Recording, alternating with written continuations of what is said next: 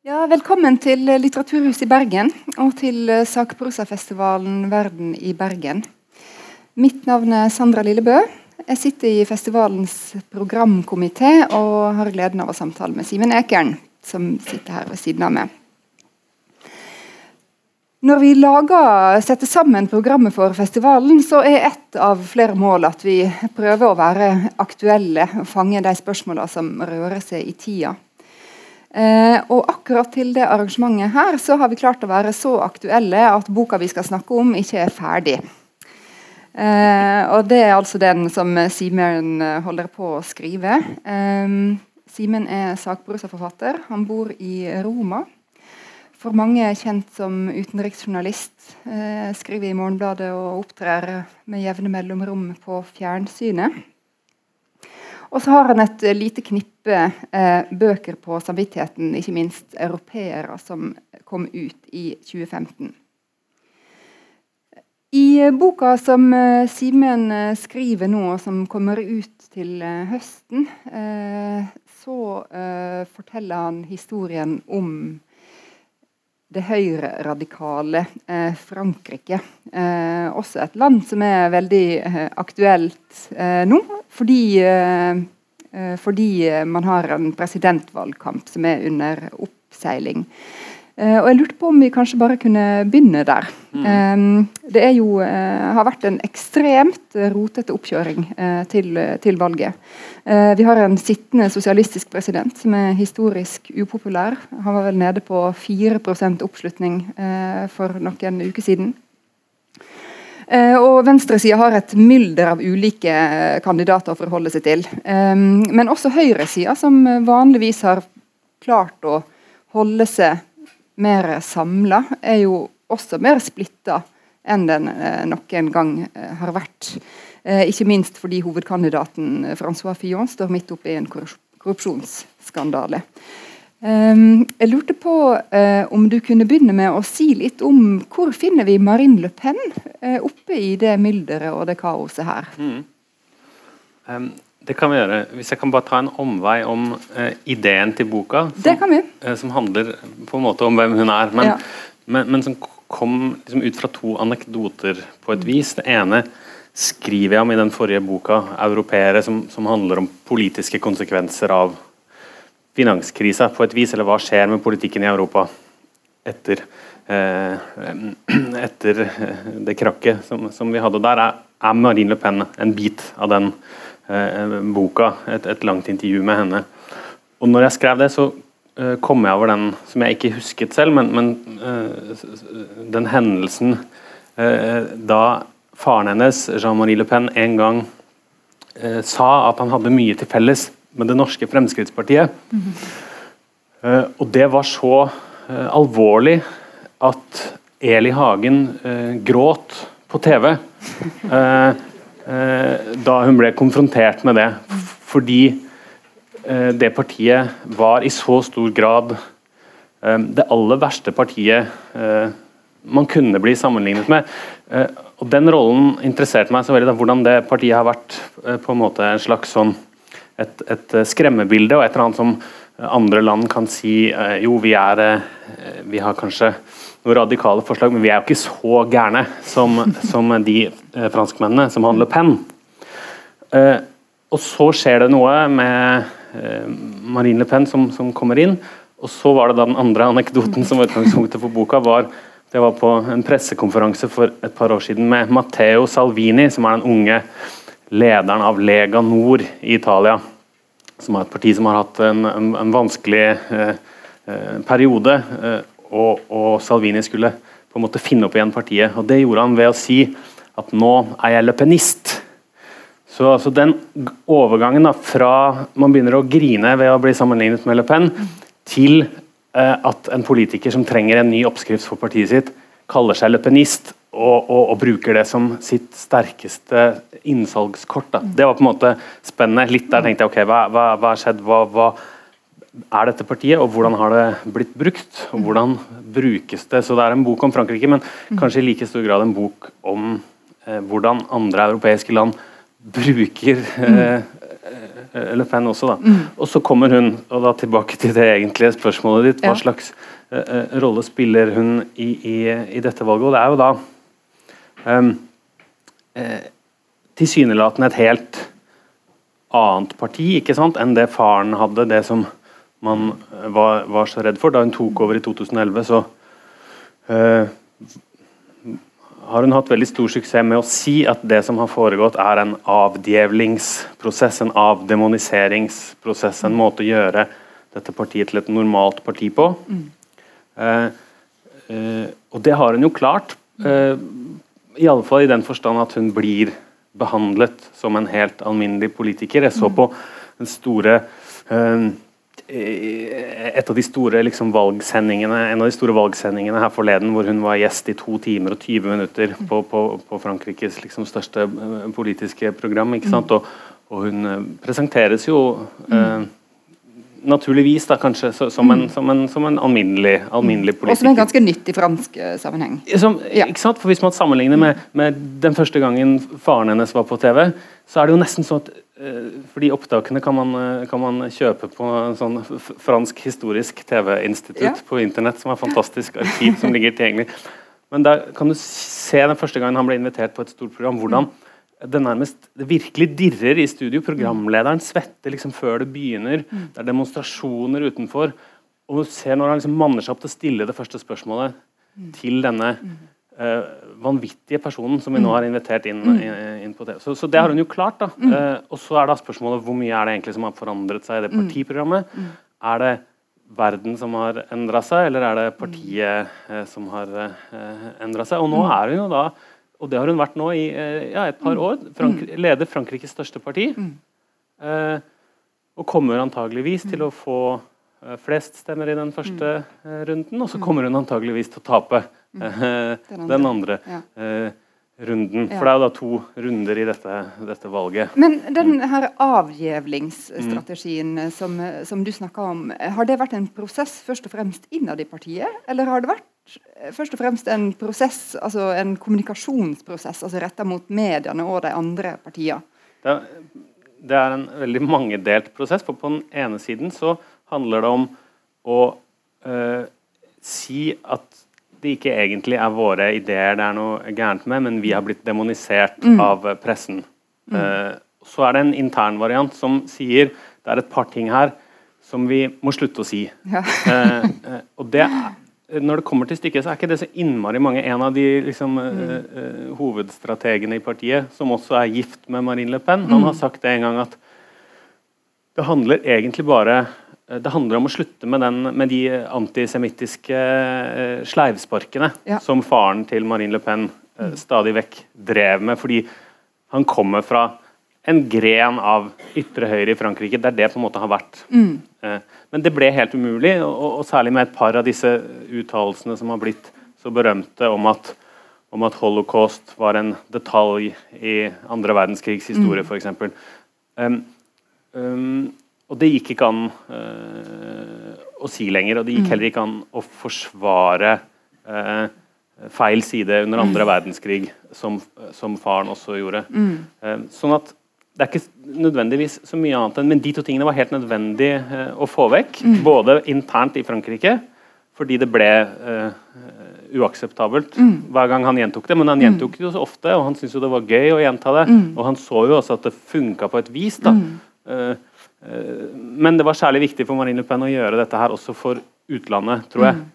Eh, for hun har hatt et prosjekt også En del av denne avdjevlingsstrategien er jo nettopp å hindre at Eli Hagen begynner å gråte. Eller akkurat Fremskrittspartiet har jo fortsatt ingen kontakt. Da, selv om eh, Nasjonal Front fortsatt er liksom veldig interessert i å høre om Fremskrittspartiet hver gang jeg møter dem, så er det jo, det er jo fortsatt tabu å si at det er noe som helst av det samme. Og det ja. samme gjelder jo Dansk Folkeparti. De vil heller ikke det. Um, men eh, andre store partier mm. i Europa har jo endret oppfatning. Mm. Og det er i stor grad pga. Eh, et par av de avdjevlingsgreiene. Mm. Noen ting som er luket bort, og at faren ble utvist fra partiet. Ja. Så det er jo et sånt familiedrama. Ja. Og det er jo, som, som du indikerer, altså, det, altså, det, er jo også et snakk om et generasjonsskifte ikke sant, som mm. har vært uh, i partiet siden Marine Le Pen tok over uh, fra sin far uh, i, i, 2011. Um, det er jo en ganske ja, I hvert fall fra en ganske morsom historie til tider, uh, men, men, som har veldig mange sider. jeg lurte på om du kunne si litt om hvor viktig det har vært for Marine Le Pen å distansere seg fra faren. For han har jo gått fra å ha en ja, en, en, veldig sånn tydelig og klar og karismatisk lederskikkelse til å være noe som de fleste i partiet helst vil kvitte seg med. Eh, kan du si litt om den prosessen som den har vært, og hvorfor den har vært viktig for Nasjonal Front? Ja, um, det, jo, eh, det, har jo vært tror jeg, veldig vanskelig for, for, fordi uh, Marine Le Pen er jo på en måte født inn i et ekstremt politisert liv, da, sånn som hun beskriver det selv. Og det kan man jo også se fra utsiden, at det å hete Le Pen og vokse opp liksom på, på 80-tallet var å være farens datter, og så er det en periode hvor hun prøver en annen karriere, litt som, som advokat. Eh, og så får hun bare klienter nærmest mm. fra partiet. At det blir nesten som en sånn, sånn krigsoppgjøraktig i, I boka di som jeg har fått lest utdrag av, eh, så skriver du også om barndomsopplevelser som hun har, der f.eks. andre barn ikke får lov til å leke med henne ja. eh, pga. Eh, hennes far. At det er også opplevelser som har eh, så, ja, og Det beskriver hun jo ja. bruke for det det er verdt, naturligvis også, men, men, det kan man jo se for seg at, at, at stemmer. da, sånn at Hun er, går veldig langt i å si og Hun har også alltid da forsvart uh, faren, og bruker i de liksom, tidlige den ene selvbiografien hennes som kom ut uh, i 2005, vel uh, Der hun jo, går hun jo veldig langt i å forsvare han, også de mm. drøye uttalelsene på et eller annet vis. Men så skjer det et eller annet som gjør at hun ikke lenger kan forsvare han og overleve politisk selv, tror jeg er ideen. Eller, og hun blir også eh, irritert. altså Når hun tar over partiet i 2011, så blir jo han ærespresident på livstid. Eh, men han fortsetter da med disse eh, sparkene, og han begynner også å kritisere den nye normaliseringslinjen, og særlig kretsen rundt datteren. da. Kommer det inn veldig mange nye i partiet som jo er et parti med liksom sterke og liksom vanskelige røtter, naturligvis, men nå kommer det inn en hel mengde folk som ikke har de røttene, som ikke er opptatt av Vichy-regimet under andre verdenskrig, eller som ikke er opptatt av uh, at Algerie uh, egentlig burde være fransk fortsatt. Mm. Alle de tingene som lå der som en del av partiets historie, som de ikke bryr seg om. da. I tillegg er til og med en av de viktigste rådgiverne Eh, ikke bare er han ung og utdannet, men også homofil. Mm. Så faren eh, har liksom, kom stadig med, med uttalelser om at eh, man, ikke, man, har ikke rett bare fordi man er en ung dust. Som han snakket om, og Dette er da den viktigste rådgiveren til, til, til datteren. Så mm. det ble en sånn pågående konflikt som, som var helt um, ødeleggende. Og så, og så, måtte man på et eller annet, så bestemte hun seg på et eller annet punkt at vi kan ikke ha dette vi kan ikke bli et parti som får makta mm. hvis ikke jeg blir kvitt faren min. Det var vel omtrent det som mm. var tanken. Da. For det er jo mange innad i dette partiet også som har tenkt at selv om Jean-Marie Le Pen på mange måter var en av de mest kjente politikerne i Europa, mm. Eh, og til og med da også kom i dette berømte valget til den andre valgrunden mm. en gang som ble et slags sånn traume for Frankrike, mm. så sier man jo da innad i partiet, og det sier de fortsatt når jeg er på valgmøter og snakker med liksom de gamle medlemmene, så er alle enige om det. Jean-Marie Le Pen ville egentlig ikke ha makt. Mm. Eh, han, ville, han, var livredd i den mm. andre valgrunden. Hva i alle dager er det jeg har stelt i seg nå? Skal mm. jeg bli president i Frankrike? Liksom? Og Det er også Man ofte har snakket om populistpartier i Europa mm. også, at det er farlig. Fordi får du makt, så Eh, så normaliseres man, har man tenkt, og så forsvinner man kanskje til og med, sånn som de gjorde i Italia. da, eh, mm. for eh, Inspirasjonskilden til partiet kommer jo på mange måter fra italienske nyfascister. Mm.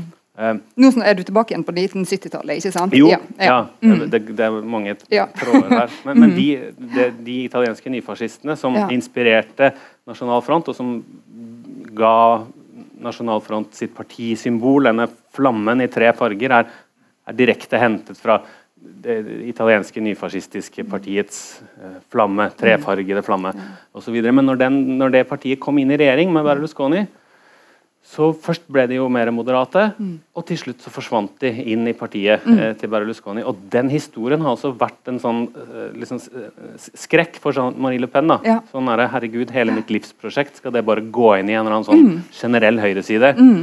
Eh, mens Marine Le Pen vil jo ha makta, sier hun mm. da. Hun, ja. hun, tenker at nå eh, er det faktisk eh, mulig. Kanskje ikke dette valget, men på sikt, liksom. Nei, Det passer godt altså, at du nevnte 2002.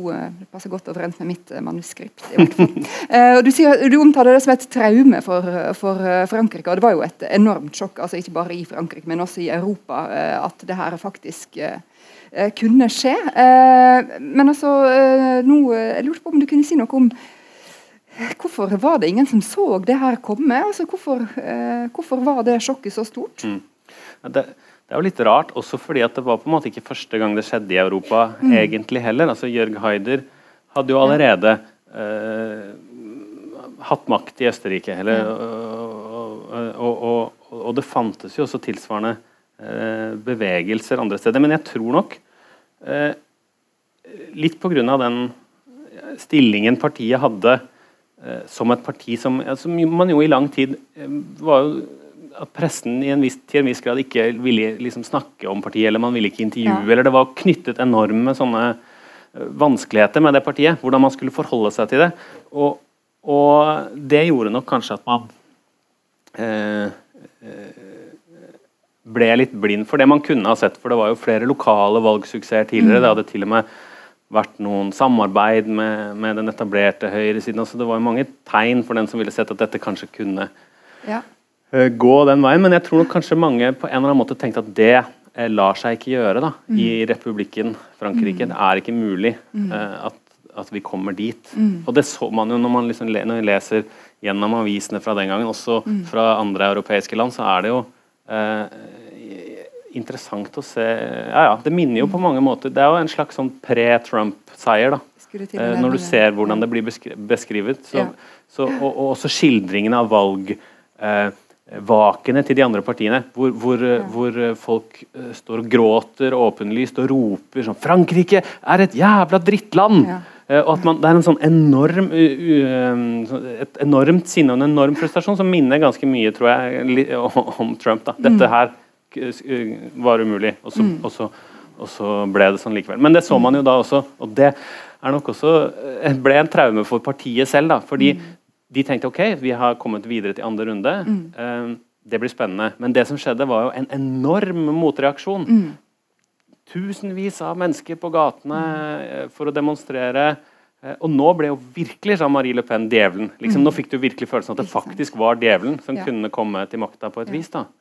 Og det sånn som det blir beskrevet også innad i partiet, at man hadde jo vært vant til å blitt sett på som noe annet mm. og noe farlig.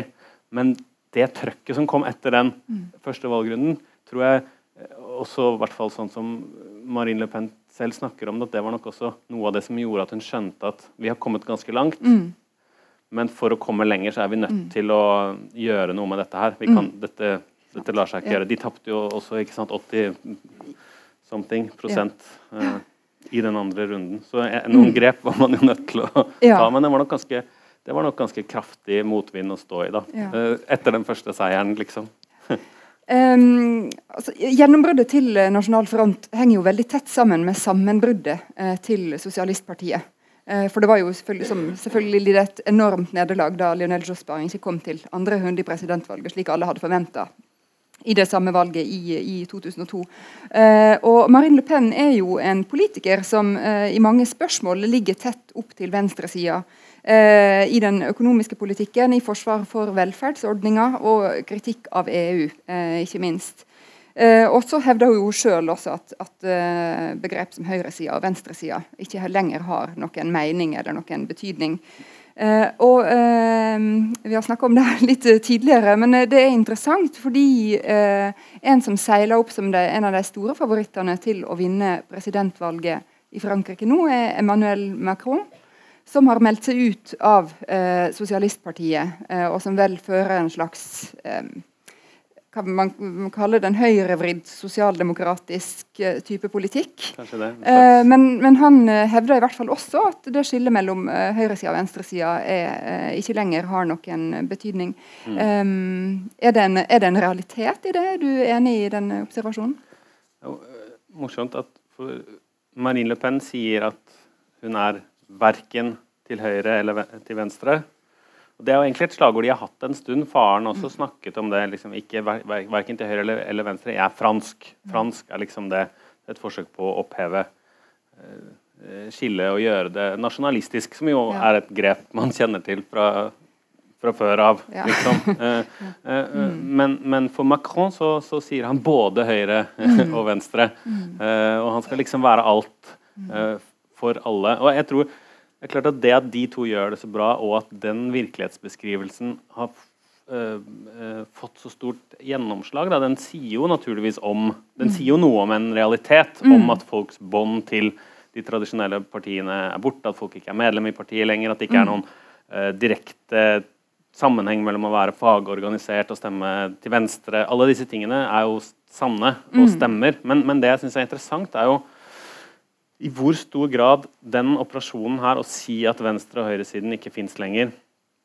eh, i hvor stor grad det har vært mulig for eh, i hvert fall inntil Macron, for høyresiden i Frankrike å fylle fordi Det de erstatter det med, er jo da skillen mellom eliten og folket, som vi har sett i så mange valg eh, i det siste. Og i hvor stor grad man har klart å fylle den folkesekken ja. med eh, elementer fra eh, eh, med det som tradisjonelt har vært høyreorienterte verdier. Da. At man sier folket er sinte på eliten, som man kan akseptere. Men så sier man at det betyr også at folket eh, ikke eh, Folket er skeptiske til eh, eh moderne kunst. De vil få lov til å si neger fortsatt. De vil få lov til Når du leser en av de liksom, hundrevis av traktatene fra disse nye reaksjonære filosofene i Frankrike. Det er ikke så nye lenger heller, men ganske en stor mengde, ofte tidligere uh, langt ute på venstresiden, som nå er blitt en slags etablert uh, sjanger med dommedagsprofetier over Frankrike, hvorfor det går dårlig. og Det er ofte pga. islam og pga. en generell nedvurdering av familien. Også, altså En hel mengde sånne også sånne tradisjonelle mm abortspørsmålet, skilsmisse altså Alt raser sammen. Ting er ikke som det var før. Mm. Men det er interessant å se hvordan de har klart å få liksom, dette folkeopprøret til å inkludere så mange av disse andre elementene som jeg tenker mm. det er jo ikke gitt at de hører med der. Mm. Selv om man kan være enig i at det har vært eh, eh, at, det, at, man kanskje ikke har hørt nok, at det finnes velgere som ikke har mm. blitt hørt nok, eller ikke sett nok. Ja. The forgotten man, liksom, som mm. Trump snakker om. Det er nok sikkert en realitet, men, mm. men derfra og til å klare å, å um, dominere liksom, hvordan man skal fortolke da, det er mm. veldig interessant. Og det er jo interessant også fordi dette partiet alltid helt fra starten av har vært så eksplisitte på at den viktigste kampen er kampen om ordskiftet, om den retoriske kampen. Det har de skrevet masse om fra starten av, de viktige liksom, nasjonaltenkerne. Ja. Hvordan ordene Kampen om hvilke ord som brukes, mm. kampen om hvordan vi snakker om ting, er den avgjørende. Mm. Først så må vi vinne kulturen, mm. og så vinner vi i valg. Og Det er jo da en metode de har fra en mm. italiensk marxist mm. som het Gramsci, men som de er veldig opptatt av, som veldig mange eh, ytterst på høyresiden i dag også siterer i hjel. fordi det er så viktig. og Derfor, og derfor så, tenk, derfor så synes jeg det, og det er den boka jeg skriver, på en måte, er veldig opptatt av ordene og ideene og måten de forskjellige eh, eh, uh, disse, ordene og ideene har formet politikken, og på en måte også da formet virkeligheten. Jeg, sier jo ikke at det ikke fins virkelige problemer i Frankrike, eller at det ikke er folk som er eh, oppgitt over innvandringen og sånn, men, men, men, bakgrunnen min er fra idéhistorie, så jeg har alltid vært interessert i å se hvordan er det disse ideene faktisk liksom bli med på å mm. endre litt av virkeligheten. Da. Ja. Mm. Mm. Men og Det intellektuelle ordskiftet i Frankrike har jo endra seg eh, de siste ti åra. Det er vel en ganske brei enighet om at det har vært en, eh, en tydelig høyredreining der? Tror det er veldig mange eh, eh, på, på venstresiden som føler at de på et eller annet vis har tapt kampen om ordskiftet i Frankrike ja. de siste årene. At det er ikke noen eller at veldig mange av de viktige forfatterne eh, og, de som, og, de intellektuelle som får plass på forsiden av uh, de viktige nyhetsmagasinene, uh, de er fra, fra, en type høyreside, selv om mange av dem jo nettopp er veldig opptatt av at dette skillet mellom høyre og venstre ikke fins ja. lenger. da. Men, men, men, men, tilhører det man før ville kalt en slags nye reaksjonære tenkere, eller sånn, iallfall konservative verdispørsmål, veldig eh, antiprogressive på et vis. Liksom Opprøret mot 68-generasjonen er jo det drivende for veldig mange av dem. Selv for de som er 19 år gamle. Snakker mm. eh, fryktelig mye om 68-erne og hvor mm. mye 68-erne har ødelagt. Både i Frankrike og Italia. Møtt flere sånne italienske nyfascister også, som, som jo ikke eh, eh, som man tenker at det er litt rart å være så opphengt i, i, i 68, men det har blitt en veldig sånn viktig måte en, å beskrive problemene på. ja, det har jo vært viktig i 30 år. Altså, på den boka, det kom jo en bok eh, som heter 68-tenkninga, som kom ut i Frankrike allerede i 1985. Som er skrevet av eh, to konservative filosofer, eh, og, og, som har hatt eh, ganske stor Eller har blitt ganske viktig, da. Jeg tror de har vært liksom, ekstremt opptatt av og, og, det var jo Jean-Marie Le Pen også i mm. 68. altså når han beskriver, for, for, det er jo i kjølvannet av 1968 at, at det partiet blir stiftet ja. på et vis at forløperen til Front National, som het uh, Ordre Nouveau, Ny orden, også et, noe som var rappa fra Italia, da, mm. der det het Ordine Nuovo. Mm. Men det kom jo i kjølvannet av det av liksom gateslagsmål og opprør i Paris, og en følelse av at uh, den nye generasjonen hadde var, tilhørte den andre sida. Mm. Liksom. Ja. De hadde vunnet denne beskrivelsen av hva verden er for noe, og hvordan den skal endres, den hadde, den hadde liksom de progressive ja. på venstresida vunnet. Og jeg tror det også gjorde at den kampen om kulturen har vært så viktig for dem helt siden da. Vi må ta tilbake det hegemoniet. For i Frankrike er det jo fryktelig viktig med, det, med de intellektuelle. Ja. og enda viktigere enn noe annet sted. Liksom. Det er jo fryktelig mm. viktig hva de mener. Mm. Uh, og de blir jo hørt på og lyttet til selv i sånne diskusjoner der man mm. snakker om at det ikke fins intellektuelle lenger, eller at intellektuelle er i krise, sånn, så har vi samlet et panel med ti veldig viktige intellektuelle til å, til å diskutere. Så det er en veldig fascinerende intellektuell eh, kultur. Men, men, det har jo skjedd. Og, og, og da er høyresiden har fått nye blader, nye, eh, eh, et, et, blad som heter Aktuelle verdier. Som, som, jo da er på en måte konservative verdier, men de er nå blitt aktuelle. så Et, et, et godt navn. Og de hadde altså, jubileumsfest her i høst. Og Da ble den festen beskrevet av en nesten litt sånn sjokkskadd eh, eh, journalist fra en av avisene som tradisjonelt tilhører venstresiden, da, som var på festen, og så med hvilken selvtillit disse nye, eh, deriblant også Le Pen-familien, eh, ja. Eh, særlig den aller yngste uh, av dem. Men hvordan de hadde samlet liksom, hit og dit. De var på et fantastisk sted i Paris, det var fotografer og De skrev det var en fest med en selvtillit som vi ikke har sett siden venstresiden hadde sånne forlagsfester på 70- og 80-tallet. Så en følelse av at her er det et eller annet som har skjedd. De har tatt over. liksom. Nå er det de som er de kule. Og vi aner ikke hva vi skal gjøre på en eller annen måte. Mm. Eh, men apropos eh, eh, si, filosofi og ideologi og alt som er intellektuell. Eh, vi, dette her arrangementet heter jo 'Europa mot Høyre'. Eh, tenkte vi kunne gå over til å snakke litt om forholdet mellom eh, Nasjonal Front og de andre høyreradikale partiene i, i Europa. og Du nevnte jo innledningsvis at lederen for det høyrepopulistiske partiet i Italia kaller seg for løpenist. Hva er egentlig en løpenist? Hvis du spør Salvini om det, så er det Eh, et, en betegnelse som ikke inneholder så veldig mye, men, mm. men veldig viktige ting for uh, ham. Da. Og det er uh, en motstand mot uh, islamiseringen av Europa. Så er det en motstand mot EU og euroen, som blir beskrevet i stadig mer dramatiske ordelag som, som et, et, monster, eller som ja, noe som er ute etter å drepe egenarten i Europa det er jo ganske mye i, dette som handler om identitet. Mm. For Le Pen er det veldig nasjonalt orientert. For Salvini er det litt mer sånn europeisk orientert. Men, men det er et eller annet som skal bevares, og det er muslimene og EU som er i ferd med å ødelegge det.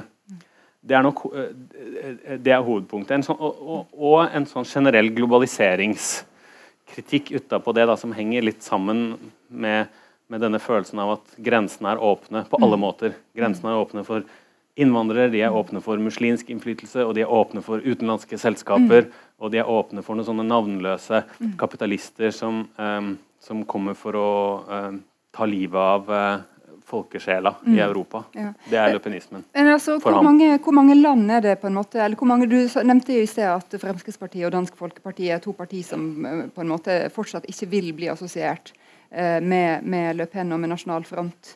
Eh, er det på en måte unntaker, eller er det hvor mange, ja. hvor, hvor mange partier er det på en måte nå som gjerne vil assosieres med, med Le Pen? Det kommer litt an på hvordan man, man, ser det, for det er mange som liksom, hopper ut og inn her. Der, mm. De har jo prøvd i mange år å lage en sånn fast gruppe i EU-parlamentet, som liksom har vært en slags målestokk. Fordi mange av disse partiene er jo representert der fordi det ofte er et valg der det er lettere for ytterliggående partier å komme inn mm. enn en det er i hjemlandet. Iallfall er det sånn i Frankrike, da, sånn mm. som systemet er. Så de har alltid vært mye bedre representert i EU-parlamentet enn i det franske parlamentet. Mm. Um, uh, og der er det jo veldig viktig å ha en sånn gruppe, fordi man får veldig mange, mye penger fra EU hvis man har en gruppe med så og så mange uh, partier fra så og så mange land. Så Det har vært en kampsak helt siden Jean-Marie Le Pen prøvde på det. Og den gangen var det nærmest Eh, til tider vært nærmest sånne nynazistiske bevegelser mm. uh, som han har eh, samlet. En veldig liksom, mørk og dyster gjeng. Og så har det da blitt i stedet en samling av de nye mm. nasjonalpopulistene. Ja. Høyrepopulistene, hva vi skal kalle dem. Det er, I Italia da, så er det særlig Østerrike, som er et veldig viktig land, med det østerrikske frihetspartiet. Mm. Og så er det Gert Wilders, som snart skal til valg i, i Nederland. Uh, som også er uh, fryktelig viktig her. Og siste medlem, som kanskje var liksom kronen på verket, var da tyske alternativ for Tyskland mm. ble med. For da kunne de på en måte for første gang si at vi er representert i alle de viktige landene mm. i, i, unionen. Til og med et medlem fra Storbritannia. Men særlig dette tyske Det har vært fryktelig vanskelig, da, for der har motstanden også mot Eller skepsisen til dette Nasjonal Front-greiene vært, ja. vært, stor. Mm. Og når de kom med på laget nå, og, og, og, jeg var på den første konferansen som ble arrangert i Tyskland, et vanvittig eh, eh, stort arrangement som først og fremst kanskje var for pressen, mm. for å selge inn denne ideen om at vi er en helt ustoppelig bølge nå. Ja. Dette er det samme i alle land. Mm. Det er til og med det samme som det som skjedde i USA. Mm. De er veldig opptatt av Trump mm. eh, som eksempel på at noe dramatisk kan skje, ja. nærmest. liksom. Ja. Og, og, og, så samlet de seg, og, og nå skal de, uh, sier alle sammen, vinne disse Eller gjøre det så bra i disse valgene i alle land at mm. det blir som dominobrikker som faller. Mm. En ny Den gamle verden dør. Mm. En ny verden er i ferd med å bli født, mm. sa Marine uh, Le Pen. Og det mm. tror jeg kanskje ikke de tror på helt, men de er mm. veldig opptatt av at det er dette folk i Europa skal tenke når de mm. ser dem. Dette er det samme, og de er ustoppelige. Ja. Men akkurat når du, når du, nevner Trump, så er jo uh, synet på Trump og hans valgseier er jo en av de tingene som skiller eh, partiene. Eh, som du nevner at, at, Marine Le Pen var tidlig ute med å gratulere men, hun, men at hun har vist en viss ambivalens overfor han, eller liksom en viss sånn tilbakeholdenhet likevel. Eh, mens, mens, da lederen av det italienske søsterpartiet har vært på en måte uh, udelt positiv. Ja. Um, hva ligger i bunnen for den uenigheten eller den ambivalensen som Marine Le Pen uh, føler? Både, både, Gert Willers i Nederland og Salvini i Italia har vært helt sånn uh, hysterisk. Også, etter, også med de mest kontroversielle liksom, det som ser ut som feilskjær for oss. da, mm. med, med, de liksom, eller for oss, men for, for, hovedbiten av europeisk og amerikansk presse ser ut som liksom, i alle dager hva er det som skjer der borte, så har Salvini jevnt og trutt tvitra sånn Kjempebra, steng grensene, ikke noe problem, mm. alle muslimer ut. Eh, og det samme med Wilders. Han har jo tatt slagord også 'Jeg skal lage Nederland great again'. Mm. Eh, liksom. Mm. Men begge de to er jo mye mer sånn uforutsigbare og um, uh, mer sånn Trump-aktige politikere på et vis, da, selv om mm. både Salvini og, og Wilders uh, er, er, mer beregnende og, og framstår som mye smartere og mer ja. velformulerte enn det Trump gjør, så har de nok noe av den der, de har mye mer sjanse for den, det improvisatoriske og det liksom brå og det sprø og sånn, og det mm. sjokkerende. Mm. Wilders elsker jo, han har jo nå valgplakater hvor, som, hvor han ikke lenger tar seg bryet med å gå omveien om at det er liksom den radikale islam som er farlig, eller at det er islamister som er farlig. Nå er slagordet bare rett og slett 'stopp islam' på bussene. liksom. Ferdig med det. Forby Koranen. Mm. så de er, er, jo mye mer eh, glad i å, å være så drøy. Mens for Marine Le Pen så er jo dette vanskelig, fordi den måten Trump driver politikk på, med en sånn sjokkerende greie, og så trekke det tilbake litt, og sånn, det er jo akkurat det hun har kommet seg bort fra med faren. da. Mm. Altså, det var jo sånn han gjorde. Hun kaller det altså Før Trump valgte, så intervjuet jeg, eller da jeg intervjuet henne i høst, mm. så var hun ekstremt sånn opptatt av at det er unyttige provokasjoner. Mm. Og unyttige provokasjoner er det hun har prøvd å liksom, bli kvitt. da. Mm. Eh, og det er klart at Hvis du er opptatt av at unyttige provokasjoner er dumt, så er ikke Trump din, din, din mann. da. Men hun mm. er fryktelig opptatt av ham som symbol på at mm. eliten tar feil. Uh, og hun er helt eh, avhengig av også ideen om at det er det samme på et eller annet uh, vis. da. At det er det, de, de, de Folket har ikke hatt et talerør, og nå har de fått det. Og pressen og eliten kan sitte der og ikke skjønne hva som traff dem. liksom. Og så er det jo masse bånd mellom mellom Trumps administrasjon og ja. disse liksom mørke Steve Bannon ja. er jo kjempeopptatt av Le Pen, og ja. særlig Marion Le Pen. Mm. Eh, niesen som er litt mer radikal. Så det er jo veldig mm. mange ordentlige bånd også. Det er ikke mm. bare en sånn interesse for mm. eh, at noe sprøtt har skjedd i. USA. Hun, det, det, det, det, ligger jo, det er jo fellestrekk der. Men stilen tenker jeg er, det er jo interessant at at hun har prøvd å normalisere et mm. radikalt parti, og mm. han har liksom radikalisert et normalt parti. Så, mm. så, de er ganske forskjellige sånn sett. Hvordan ser du for deg det samarbeidet mellom de ulike høyreradikale partiene i Europa i tida som kommer? Jeg tenker jo særlig på det, det norske Fremskrittspartiet. altså Hvordan forholder de seg til alt det her, eller hvordan burde de forholde seg eh, til det her? Eh, ja. Eh, nei, det er jo fryktelig farlig å trekke noen uh, paralleller som helst. Fordi, uh, men, men, jeg tror man kan kanskje se på uh, det, er mer, det, er nok en mer det har vel, Sånn som det ser ut utenfra, så har det vel vært en større interesse for Trump enn for de europeiske partiene. Sånn i mm. stil, liksom, ja. med, med den her blogg-greia til, til til Listhaug f.eks. En veldig sånn opptatthet av det, det folkelige elementet. Som, eh, som, man jo alltid har hatt i Fremskrittspartiet, men, men, mm. men den eliten versus folket jo, har man jo virkelig liksom, åpenbart uh, svelget og tatt ja. helt når, Et av de beste bildene på Listhaug sin blogg, hvor hun stanser på eh, en veikro for å spise kumle. Ja. eh, som er en sånn liksom Jeg spiser norsk mat. Ja. Lik og del. Jeg er fra folket.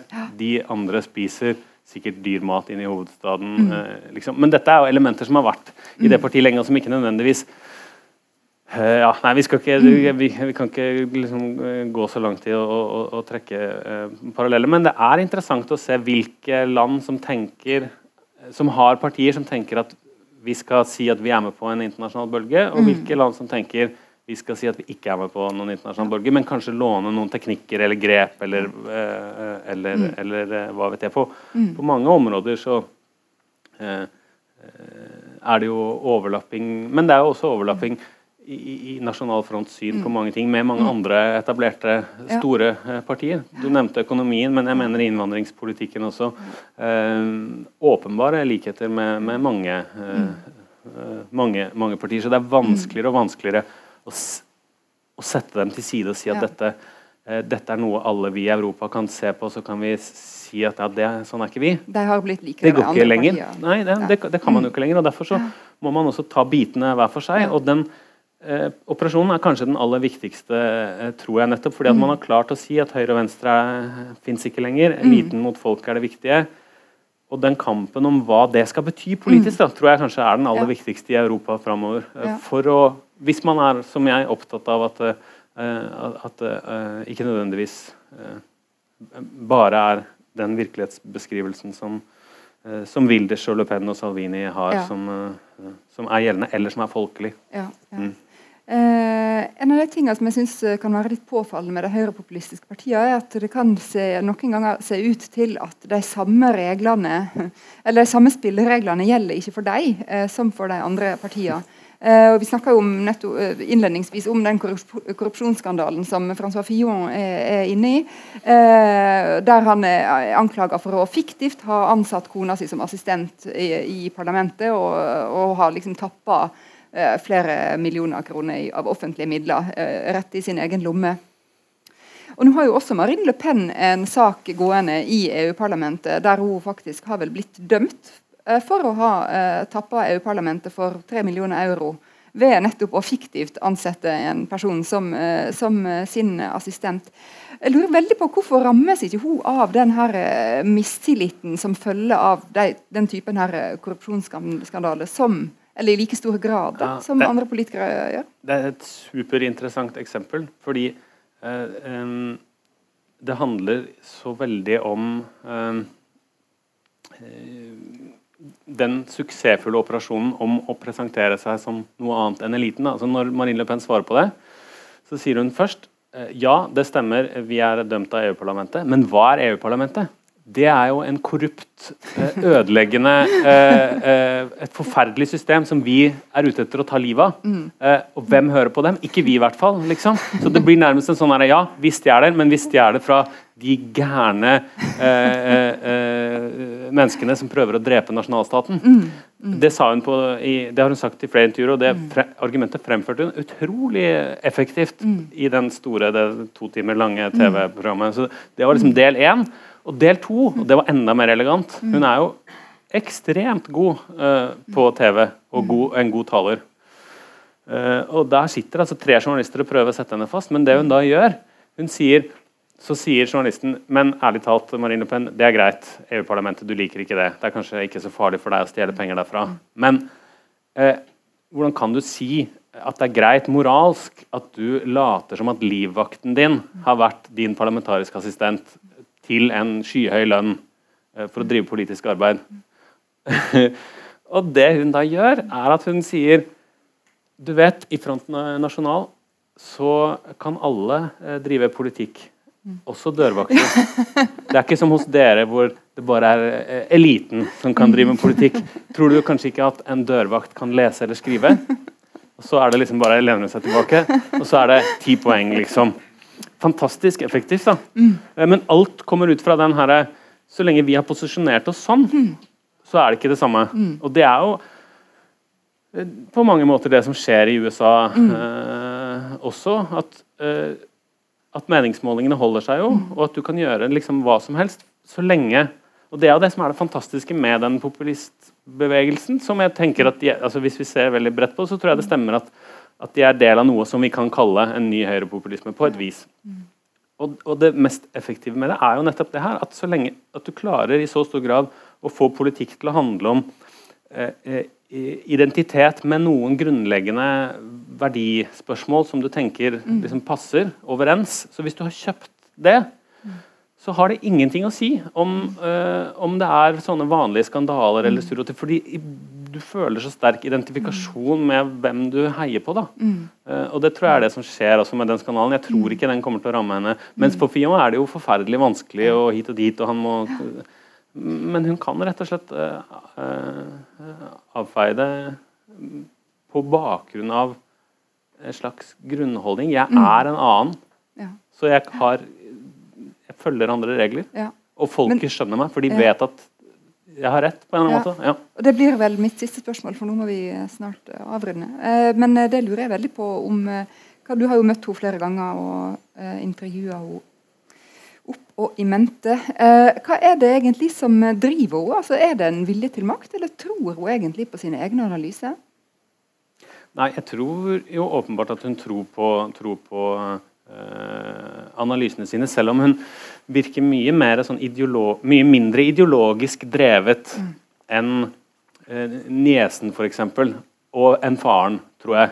Eh, altså hun er, virk, er, framstår mye mer som pragmatisk. Mm. og, og og, og, kanskje mer interessert i, i, i, spillet og i posisjoneringen og i muligheten mm. av å kunne uh, få innflytelse. Men jeg tror jo også at siden hele livet hennes har handlet om dette her, hele livet hennes har handlet om å vise at, at uh, det partiet og den kulturen og den familien fortjener noe annet enn mm. å bli sett ned på. Det er jo en, et sånt element av det også, som gjør at hun drives nok også liksom personlig av en sånn herre jeg, jeg, skal vise dere at, mm. at, det lar seg gjøre. Men, um, men hun er tenk, Det er nok mange i partiet som er mye mer ideologisk drevet av mm. forskjellige sånne ja, Enten ideer om at Europa er i ferd med å, mm. å, å, å drukne fordi islam tar over, mm. eller, eller jeg tror nesten at hun er mer ideologisk opptatt av EU-motstanden, f.eks., mm. enn en innvandringen, iallfall i, i forhold til en del andre krefter innad i, innad i partiet. Mm. hun er nok um, mm. Mm, det dukker opp stadig flere spørsmål i mitt hode, eh, men vi må dessverre avslutte der. Eh, tusen takk, Simen. Tusen takk til dere, og fortsatt god festival.